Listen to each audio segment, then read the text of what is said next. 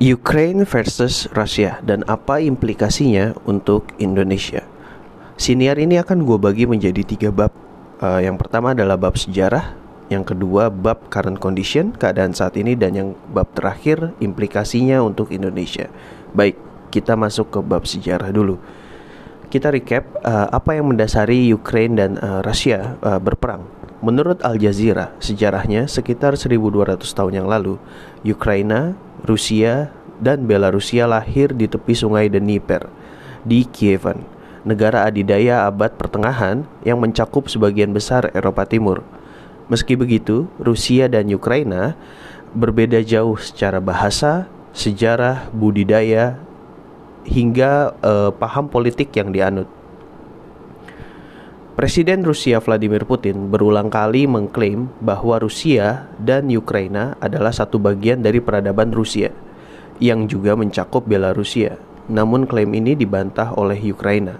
Kemudian Ukraina melakukan revolusi selama dua kali, yakni pada tahun 2005 dan 2014. Revolusi tersebut dengan tujuan untuk menolak supremasi Rusia Ukraina juga terus mencari jalan untuk dapat bergabung dengan Uni Eropa dan juga NATO. Kita bisa bold ada dua fakta menarik di sini bahwa secara ideologi uh, Ukraina sudah berbeda dengan uh, Rusia dan lebih memilih untuk masuk ke Uni Eropa dan NATO. Tentu rencana ini terus ditolak oleh uh, Vladimir Putin dan juga Rusia.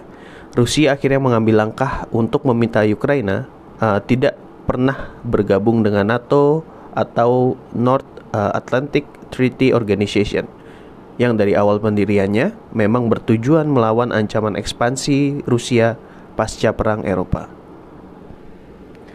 Putin sangat marah dengan uh, prospek pangkalan NATO yang akan dibuat di perbatasan Ukraina dan Rusia. Dan inilah salah satunya yang mendasari uh, marahnya Rusia kepada NATO.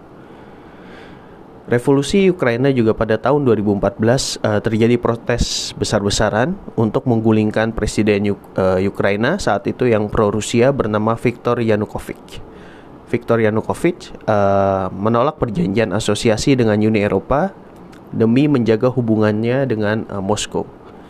Saat penggulingan Viktor pun uh, Rusia mencak mencaplok uh, semenanjung Crimea di Ukraina dan mendorong pecahnya sebuah pemberontakan separatis di timur uh, Ukraina.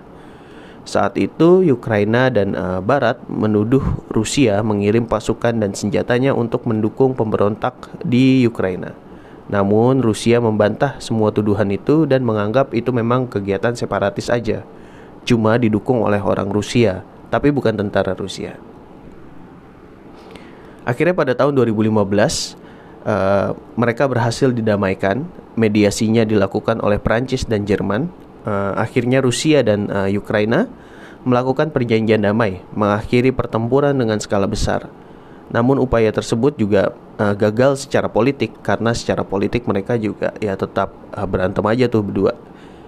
Uni Eropa dan uh, US memperlakukan serangkaian tindakan uh, sebagai uh, tanggapan mereka atas tindakan Rusia di Crimea dan Ukraina Timur termasuk uh, sanksi ekonomi yang menargetkan individu ataupun warga negara Rusia, entitas ataupun perusahaan Rusia dan juga sektor-sektor tertentu di ekonomi Rusia.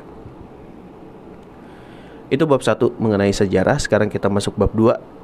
Apa yang terjadi sebenarnya saat ini? Jadi kalau kita baca milestone-nya, ini terjadi saat November 2021 itu mulainya di mana citra satelit uh, memperlihatkan uh, penumpukan pasukan uh, Rusia di perbatasan Ukraina. Sekitar ada 100 ribu tentara dengan uh, senjata lengkap beserta tank dan juga perangkat keras militer lainnya. Sudah siap-siap di uh, perbatasan Ukraina. 7 Desember 2021 akhirnya Presiden US Joe Biden memperingatkan Rusia jangan sampai dia menyerang atau menginvasi Ukraina. Kalau itu sampai terjadi maka Barat tidak akan diam.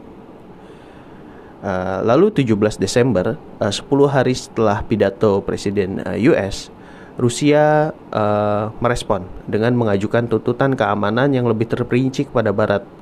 Maksudnya adalah bahwa NATO harus menghentikan seluruh aktivitas militernya di Eropa Timur dan juga di Ukraina. Padahal NATO tadi punya uh, visi untuk membangun uh, semacam pos baru di perbatasan Ukraina dan Rusia. Itu juga ditentang oleh Putin. 17 Desember 2021 berlangsung lagi pertemuan antara uh, Rusia dan uh, US pada 10 Januari 2022 di Jenewa.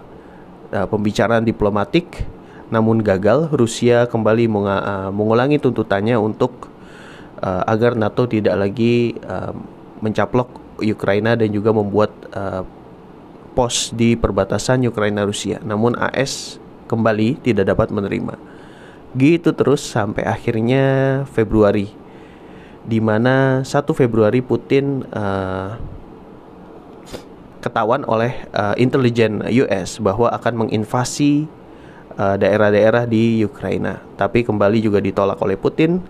Akhirnya 11 Februari penasehat keamanan uh, nasional Biden, Jack Sullivan, mengatakan intelijen US harus uh, sudah turun di perbatasan karena sebentar lagi akan beneran terjadi perang antara Ukraina dan uh, eh, US.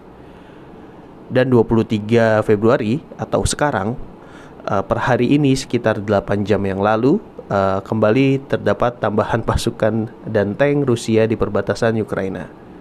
Negara non adidaya seperti Indonesia dan juga negara-negara lainnya uh, cenderung untuk wait and see karena tidak mau memperkeruh suasana.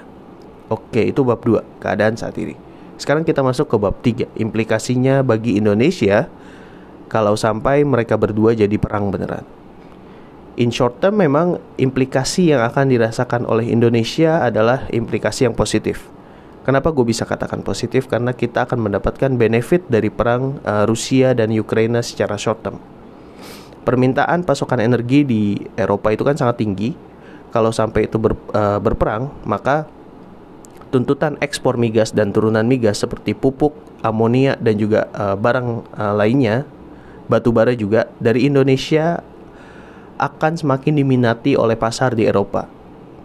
Kenapa seperti itu? Karena Rusia punya senjata luar biasa yang berpengaruh di benua Eropa. Selain mereka punya warfare dan juga kelengkapan perang yang sangat disegani, mereka juga punya sumber daya yang namanya gas dan sumber energi lainnya hampir sebagian besar di Eropa Timur dan Eropa Tengah itu bergantung pada sumber energi yang dari Rusia. Jika Rusia sampai menutup pipa gas mereka yaitu Nord Stream 2, uh, eh, maka Eropa bisa jadi nanti mengalami krisis energi. Dan saat itulah Indonesia bisa masuk sebagai uh, salah satu solusi mengatasi krisis energi di Eropa dengan mengekspor migas ataupun mengekspor uh, diversifikasi dari produk migas. Oke, itu implikasi positifnya untuk Indonesia. Lalu tentu ada implikasi negatifnya untuk Indonesia yaitu seperti yang kita semua tahu, sebentar lagi Indonesia akan menggelar salah satu perhelatan uh, politik uh, luar luar negeri yang sangat sangat di respectful gitu ya G20 yang akan diselenggarakan di Indonesia. Forum G20 ini adalah forum uh, sangat strategis namun dengan adanya invasi ini nantinya, maka banyak kepala negara yang kemungkinan tidak akan hadir. Ataupun jika hadir, namun tidak bisa merasakan impresinya kepada uh, budaya kita, kepada apa yang ditawarkan oleh Indonesia untuk G20 secara maksimal. Peran dan noble purpose yang kita tawarkan untuk G20 ini bahwa Indonesia bisa menawarkan menjadi tuan rumah yang akan menciptakan iklim investasi global yang lebih kondusif dan uh, juga akan merecovery COVID secara bersama-sama, mungkin noble purpose itu akan sulit tercapai karena ada negara yang sedang berperang, apalagi melibatkan dua negara yang sangat besar di uh, bumi ini yaitu US dan Rusia. Lalu apa sisi negatifnya in the long term? Tadi kita bahas short term, positif, negatif. Sekarang in the long term tentu yang ada hanya negatif jangka panjangnya dengan pecahnya perang Ukraina dan juga Rusia ini akan menajamkan kembali dua ideologi yang tidak pernah bisa menyatu yaitu menyoal kapitalisme barat dan juga sosialisme timur.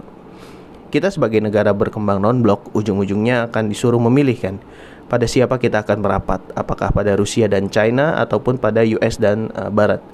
Namun ini bukan perkara mudah karena seperti yang kita tahu, banyak sekali potensi investasi yang akan masuk ke negara kita dari Rusia dan China dan baik maupun itu dari uh, eh, US dan juga Barat. Jadi kalau disuruh milih, lo milih mana nih? Kalau gue milih Pancasila aja deh. Thank you guys. Mungkin itu uh, untuk siniar kali ini.